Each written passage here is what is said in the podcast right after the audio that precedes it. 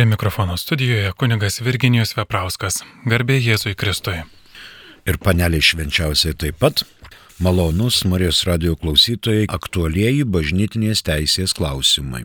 Iš praeitos laidos neturime klausimų, todėl pabaigsime 1290 kanoną, kurį praeidoje laidoje dėl laikos tokos neužfiksavome. Štai jis.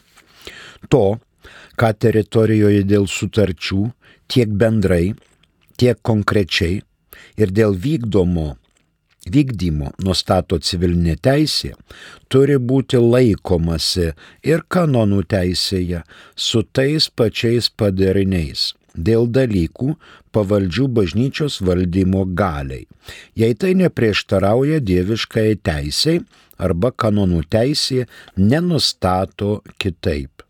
Ir liekant galioti 1547 kanono nuostatai. Kitas nagrinėjamas 1291 kanonas. Galiojančiam perleidimui gerybių, kurios teisėtų priskyrimų sudaro viešo juridinio asmens bazinį turtą ir kurių vertė viršyje teisės nustatytą jį, būtinas pagal teisės normas kompetentingos valdžios leidimas. 1917 m. kanonų teisės kodekse tą reglamentavo 1495. Perleidimas arba alienacija buvo priskirta prie valdymo aktų toje dalyje. Dabar tai atskiroje dalyje vadinamoje sutartys ir ypač perleidimas. E, tiek iš parapijos į viskupiją, tiek iš vieno vienuolyno į provinciją, į centrą, tiek kitais atvejais. Taigi, prie 1291 pirma mintis. Perleidimo gerybės bažnytinės dėl bazinių gerybių gautų įžadų dėka, o taip pat vertingos gerybės istoriškai, meniškai, muziejiniai darbai, daiktai, relikvijos, paveikslai, turintys pripažintą didelę pamaldumo vertę. Perleidimas e, mums paskambino, prašom. Skambina klausytojas Arnoldas iš Vilniaus. Klausome jūsų. E, ką pasakytumėt, e, garbėjai Zikristai, ką pasakytumėt, e, kokia jūsų nuomonė tokiu klausimu, kai popiežius laimina Rusiją ir e, kokia nuomonė būtų Ukrainos karo kontekste? Ačiū Arnoldai. Jūsų klausimas, aišku, tiesiai į temą, į bažnytinę teisę. Pabandykime žiūrėti, o kodėl jūs manote, kad popiežiui uždrausta laiminti? Jis per Kalėdas Velykas laimina miestą ir pasaulį. Urbi et orbi Popiežių negali niekas uždrausti nelaiminti. O dabar jūsų paminėta mintis, ar popiežius laimina Rusiją. O kodėl jis turėtų nelaiminti Rusijos? Jis karo Rusijoje nelaimina, bet jis laimina Rusiją.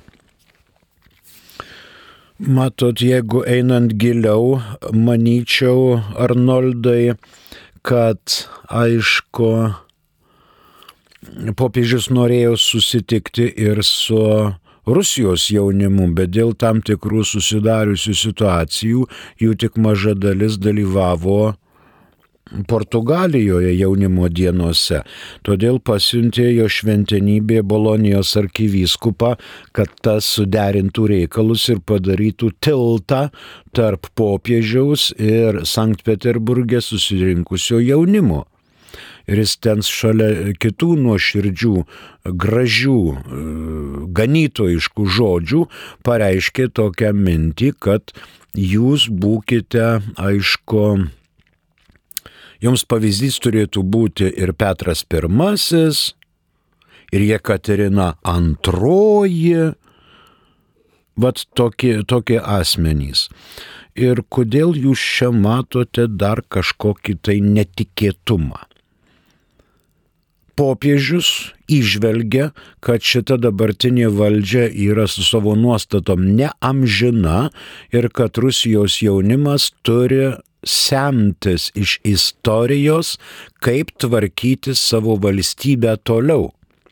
Nes jeigu ta lavina pradės eiti į mus, tai jokios koncertinos nesustabdys. Pradės eiti milijonai ir Europa nesusitvarkys su tuo antplūdžiu žmonių. Tai popiežius kviečia ir laimina rusų tautą, kad jie kurtų savo šalies ateitį pagal krikščioniškas vertybės o ne pagal šitą karą, čia ar karo nuostatas, Arnoldai. Dalyką, tokį dalyką aš išvelgiu. Ir aš nematau, kad popiežius laimintų karą. Nieku bau. Politinės dienotvarkės Vatikanas arba paštų sostas neturi. Popiežius yra visų pirma ganytojas. Ganytojas. Rusijoje irgi yra katalikai. Ir jis privalo į juos atkreipti dėmesį. Ačiū. Daugiau neturim nieko, tai einame prie e, kitos minties, prie 1291. Kaip girdėjote, ne žvakių pardavinėjimas parapijoje arba vienuolinė, bet vertybės, kurios yra istoriškos, meniškos, paveikslai, muziejinės vertybės turintys didelę reikšmę bendruomeniai, vyskupijai ar vienuolinui, jie nėra alienuojami. Šalia to jie turi antroji mintis - viršyti bazinių gerybių arba pastovaus paveldo turtą. Tai antroji mintis. Ši naujiena yra 1983 m. kanonų teisės kodekse. Bazinės gerybės. Jos turi būti saugomos dėl perleidimo tikimybės. Nėra uždrausta, kad jų negalima perleisti, bet visa eilė saugiklių, kad nebūtų padaryta žala bažnyčiai arba žala juridiniam asmeniui. Juridinis asmuo privalo užtikrinti savo bazinio turto saugumą turime Lietuvoje visą eilę šventovių. Tarkim, nėra tikslo parduoti Vilniuje aušros vartus su panelė švenčiausios paveikslu. Niekam neturėtų kilti mintis, kad šitą dalyką galima perleisti arba alienuoti. Šilovos koplyčia arba bazilika niekas nepardavinės. Žemaičių kalvarijos šventovę niekas nepa, pivašiūnus niekas nepardavinės.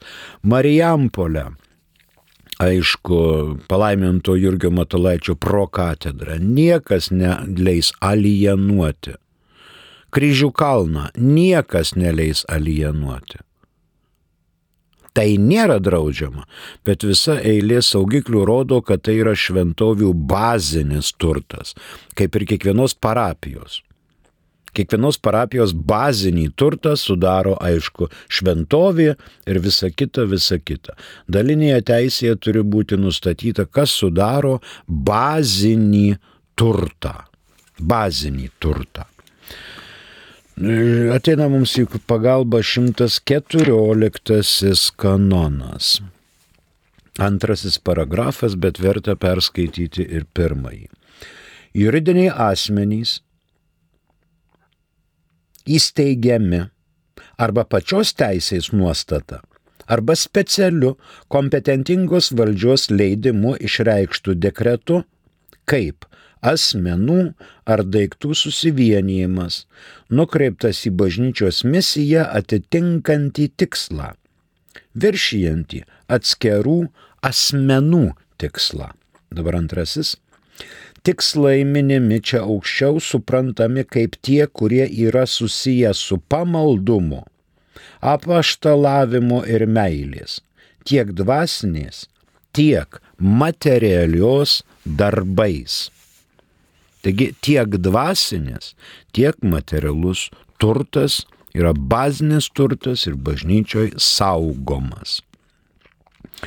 1983 m. kanonų teisės kodeksas nenurodo būdų, kaip apsaugoti bazinį turtą.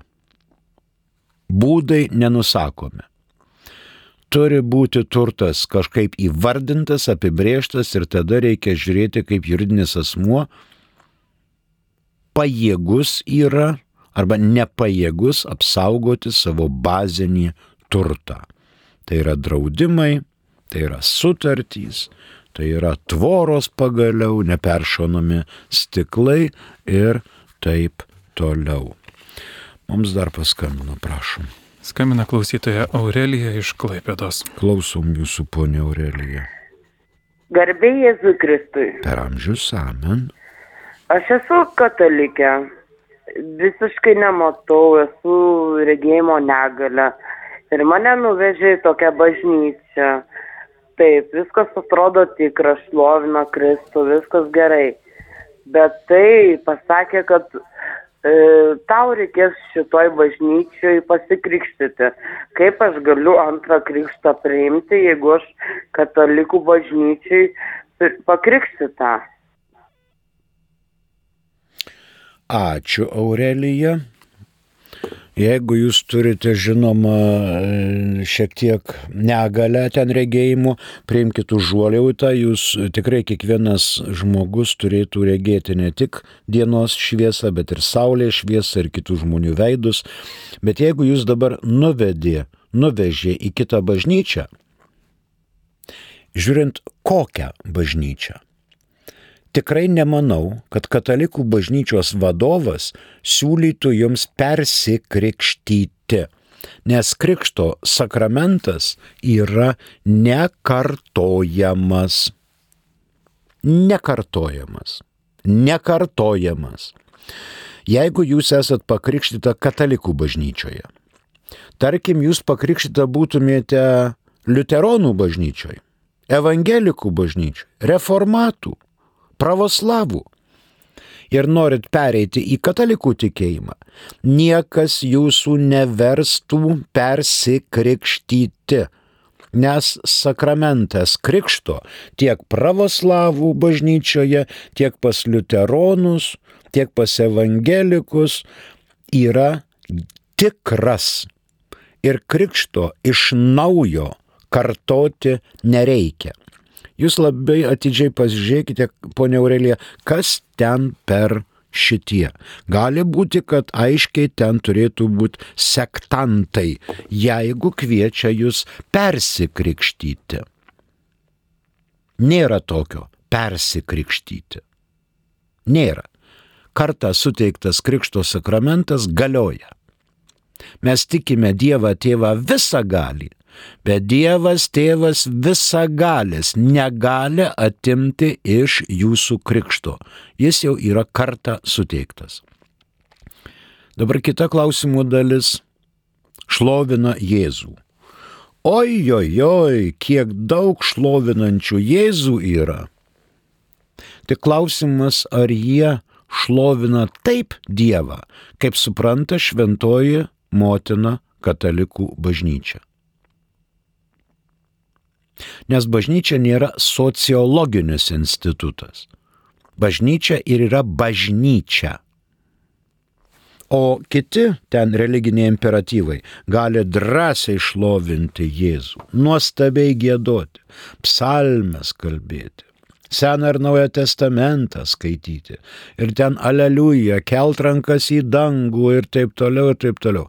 Bet tai nereiškia, kad tai yra šventoji Romos katalikų bažnyčia. Reikia labai apdairiai pasižiūrėti į tai. Ačiū Jums už klausimą ir rinkitės tokius dalykus labai atsakingai, kad nebūtumėte įtraukta į kokią tai sektą. Ačiū. Prašom, turim klausimą dabar. Taip, klausytoja rašo, garbė Jėzui Kristui. Ar gali būti parduodama klebonija kaime, kur kunigas yra atvažiuojantis? Pastatas nyksta, bet parapiečiai tikisi, kad kada nors e, vietinį kunigą gaus. O, koks didis tikėjimas tos parapijos tikinčiųjų, kur dabar yra atvažiuojantis kunigas. Žinot, aš jums pasakysiu, nesitikėkite, kad kada nors ten bus vietinis kunigas. Jeigu jo nėra, tai jo ir nebus. Ten parapiečiai turėtų susitelkti aplink altorių, aplink vyskupą ir sakyti, mes dabar melžiamės laukiant kunigo. Laukiant kunigo pašaukimų mažėja ir ateityje pašaukimų mažės, be jokios abejonės. Vyskupas per naktį nemiega ir nežino, ką siūsti į tą ar kitą parapiją. Kunigai aptarnauja po dvi, po tris parapijas, po keturias parapijas. Ir sveikatą deda važinėdami ratukus sekmadienį, vieną valandą toj parapijoje, kitą kitoj, kita trečioj, kita ketvirtoj. Laksto. Dabar ar galima parduoti kleboniją kaime? Jeigu klebonija pastatyta ten kokiam 17 amžiui, niekas jums neleis nieko parduoti. Jūs galite iškerti tokią mintį su tuo klebonu, kuris aptarnauja jūsų parapiją. Jeigu vyskupas leis, pasitarę su konsultorių taryba ir ekonominių reikalų taryba, drąsiai galima tokią kleboniją parduoti. Jeigu į šį kleboniją mačiusi pirmą sukilimą, antrą 1863 metų sukilimą, matė pirmą pasaulinį karą, matė didžiąją spalio socialistinę revoliuciją, matė antrąjį pasaulinį, tai iš tos klebonijos ir ten ne tik per pirmas, bet ir antras pamatų vainikas rastai jau bus sukirmyje. Parapija, manyčiau, nėra pajėgi atrestauruoti ten dešimtim tūkstančių kainuojantį pastatą. Galima iškelti idėją, parduokim geriau šitą klebonijos pastatą ir už tai užsidenkime savo bažnyčiai stogą. Nes nėra vilties, kad artimiausia, pavyzdžiui, dešimtmetį čia vyskupas skirs kunigą. Kunigų nėra. Ir nebus. Kad absoliučiai nebus, tai taip tikrai nebus bet kaip anksčiau ten į kairę, į dešinę, kai parapijoje buvo ne tik lebonas, du vikarai ir dar trys altaristos, tokių parapijų jau nebėra ir ten vos klebonas gali būti, kuriam dar pavestos viena ar dvi parapijos sielovada. Taip kad jūs išmintingai su parapijos taryba pasivaikščiokit po tą kleboniją ir pažiūrėkit, kokia vertė Pavyzdžiui, jeigu parapija nori parduoti Birštono kleboniją, kur buvo konsekruotas vyskupu kardinolas Slatkevičius, kas leis jums tokią kleboniją parduoti kam nors? Šiukštų bau. Bet yra klebonijų, kurios pastatytos ten iš lentų į vidurį spalių pripilta ir žiemą klebonas kas keturias valandas dirba kačiagaru. Atsikelia, pakuria, vėl eina miegot. Po keturių valandų atsikėlė, atšalo butelis, vėl reikia dirbti pečkūriu. Tai va tokių klebonijų tikrai nereikia. jo jos savo atitarnavo. Ačiū. O mes einame prie 1191 kanono. Dabar mes kalbėjom apie tai, kad kodeksas nenurodo būdų, kaip apsaugoti turtą. Bet turtas privalo būti inventorizuotas. Čia į pagalbą ateina 1283 kanono trečias numerėlis. Vienas inventoriaus egzempliorius turi būti saugomas administracijos, o kitas kurijos archyve. Abiejuose egzemplioriuose turi būti pažymėti bet kokie turto pokyčiai. Čia kalbama apie turto inventorizavimą, kurį sudaro dalinės bažnyčios, na, visas tas turtelis tvoros, varpinės, garažiukai, malkinės, klebonijos, bokštais, bažnyčios su bokštais, signaturkom, bažnytiniam vėliavom ir taip toliau. Dabar bazinio, kaip girdėjote, turto rūšys yra kilnojamas ir nekilnojamas turtas, užtikrinantis juridinio asmens funkcionavimą. Pirmoji rūšis. Antra. Vertingi meninių ir istorinių vertybių turintys daiktai. Kultūros paveldo objektai. Toliau. Paukotos bažnyčiai, bažnyčios juridiniam asmeniui gerybės bei dovanojamos.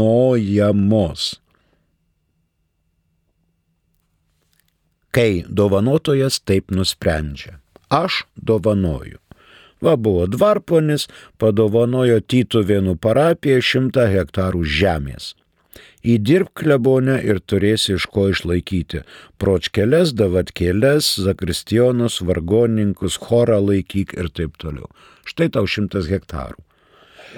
Ir dabar tai yra įžadinis dovanojimas. Įžadinis, nes taip dovanotojas nusprendė. Žygimantas Augustas, tarkim. Toliau kita padala. Gerybės kituose o priemonėse. Pavyzdžiui, aukso luitai, investicijų, obligacijų lakštai užtikrinantis bažnytinio juridinio asmens finansinį stabilumą. Banko sąskaitos. Šimtai tūkstančių eurų, pavyzdžiui, jos užtikrina finansinį stabilumą. Tai yra bazinis turtas ir jo rušut, čiupinėti, parduoti, pirkti nevalia. Dar viena padala - lėšos gautos iš perleidimo. Pardavė sukiužusią kleboniją ir gavo 200 tūkstančių eurų. Ant jūros kranto ar dar kaip nors tai jau yra lėšos gautos iš perleidimų, iš alienacijos ir tai sudaro bazinį turtą. Šito vulkaninės kilmės turto niekas neliečia, jis stovi banke, neša procentus. Norint iš jo ką nors nulaižyti kokiam nors reikalam, jau reikia gauti vyresnybės leidimą ir palaiminimą kad nebūtų perleidžiamas bazinis turtas. Kita mintis pašvesto gyvenimo institutų ir apaštališkojo gyvenimo bendrijų savoji teisė privalo turėti sąrašą, kas sudaro jų bazinį turtą ir suderinti tai su civilinė valdžia pagal galiojančius įstatymus. Žinoma, koplyčia, žinoma pats vienuolino pastatas, žinoma turtelis, kuris aptvertas aukšto tvora, tarkim, Benediktinės Kaune, arba vienuolės trakuose, ar kitur, Kazimierietės pažaislyje, jos irgi turi savo bazinį turtą ir jį alienuoti gali aukštesnysis vyresnysis, pritariant savajai tarybai ir gaunant iš savosios tarybos patvirtinimą. Provincija taip pat privalo vienuolino tokias mintis tvirtinti. O jeigu provincija sprendžia, ką reikia daryti, tada jau apaštalų sostas, turis, turintis viršenybę virš provincijos, jis leidžia arba neleidžia, arba iškelia sąlygas. Praktiškai tai turto turinčio svarbą išskyrimas. Jokių būdų tai nebus kokia tai lova, šakutė, aliuminis puodelis ir taip toliau. Bet jeigu tas aliuminis puodelis buvo Sibirė, iš kurio mm, Teofilius Matulionis palaimintasis laikė šventų mišių auką, tas aliuminis puodelis jau įgauna visiškai kitą vertę. Neperleidžiamas turtas nebent įžadu jisai duotas bažnyčiai arba turi didelę istorinę menę vertę istorinę vertę turi. Tarkim, yra toksai miestelis Žeimelis. Štai klebonas toliau nuo centrų turėjo kažkokią bakužėlę, kurioje gyveno ir kitoje bakužėlėje buvo pasidėjęs sofutes, foteliukus, stalelius, kuriuos naudojo palaimintas arkivyskupas Jurgis Matulaitis.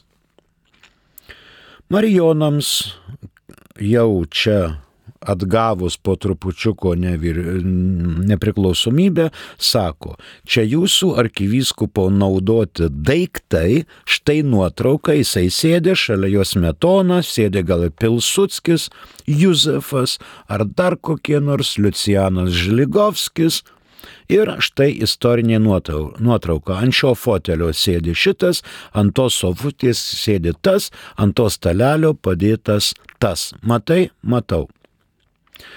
Bet vienuoliai pasižiūrėjo, ai, čia trūnėsiai, neatsisės negalima, čia kyla debesų dulkės, čia viskas jau yra pasibaigę, mes nekreipiam jokio dėmesio. Klebonė, ką nori, tą daryk. Mūsų tai nedomina. Įsivaizduokit, kaip atrodytų šie laikai. Jeigu rastumėm kokią sofutę, ant kurios sėdėjo savo kabinete, savo darbo kabinete, palaimintas Jurgis Matulaitis. Arba kiek verta fafaikė, kurią dėvėjo palaimintas Teofilius Matuljonis. Čia jau kalbos nėra. Relikvija po neperšaunamų stiklu ir muziejinė vertybė.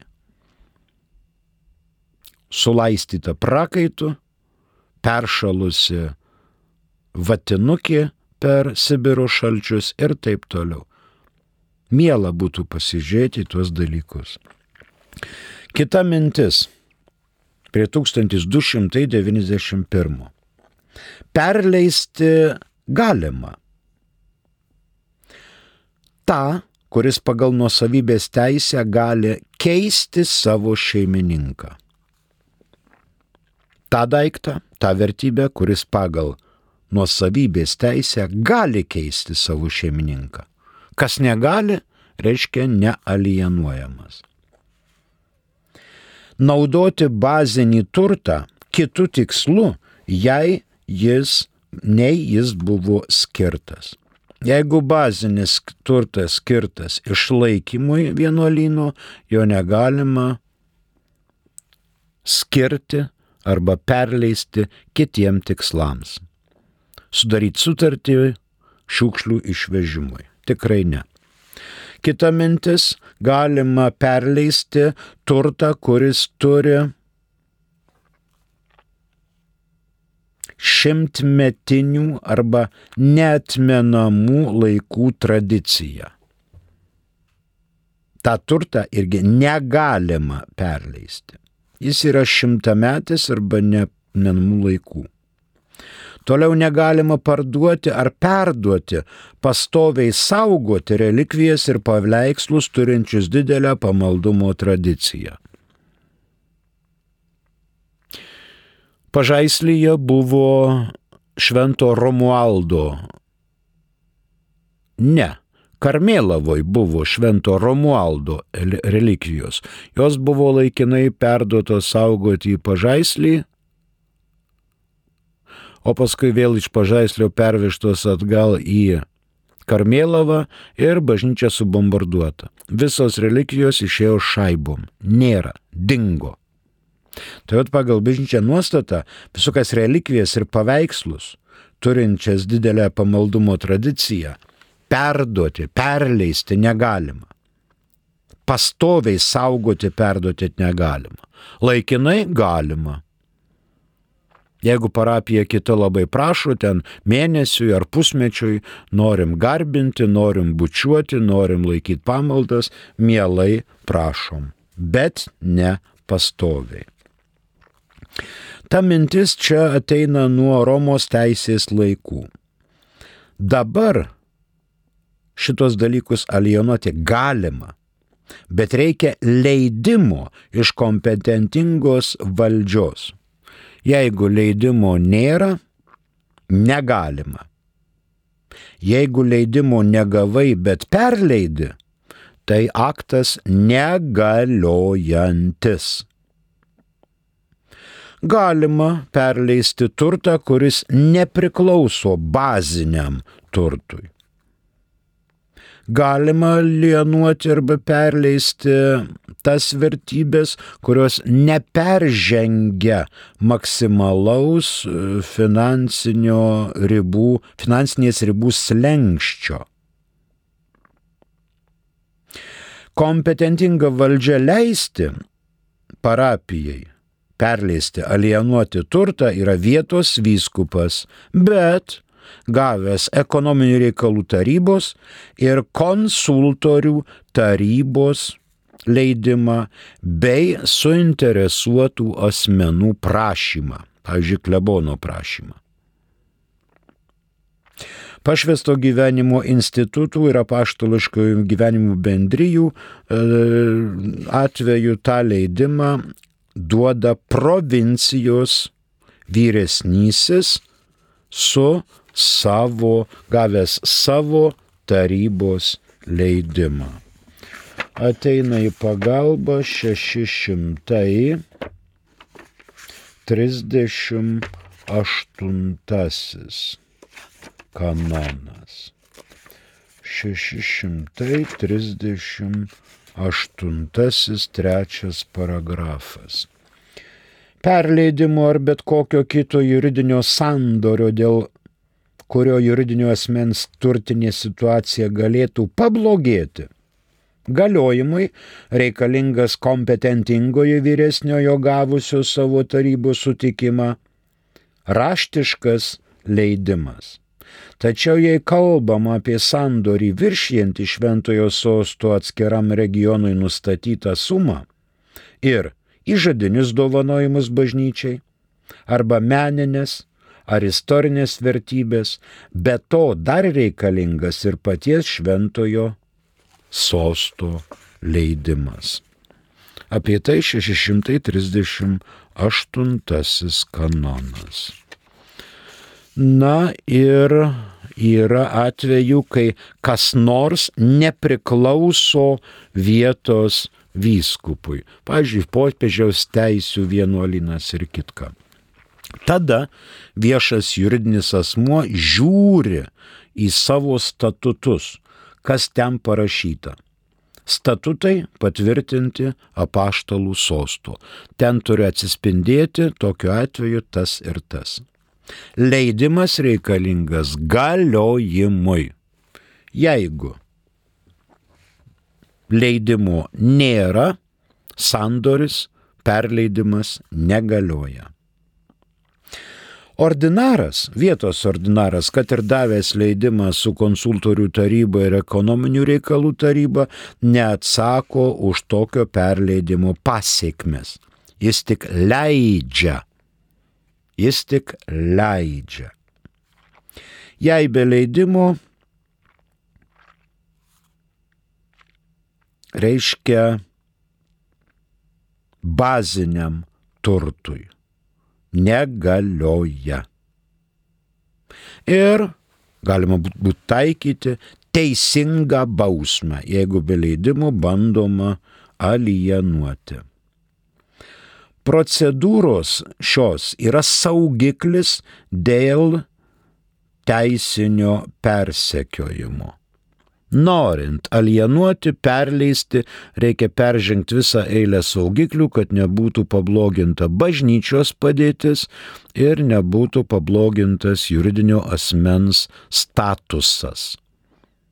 Taip kad parduodant bazinį turtą reikia labai atsakingai žiūrėti į.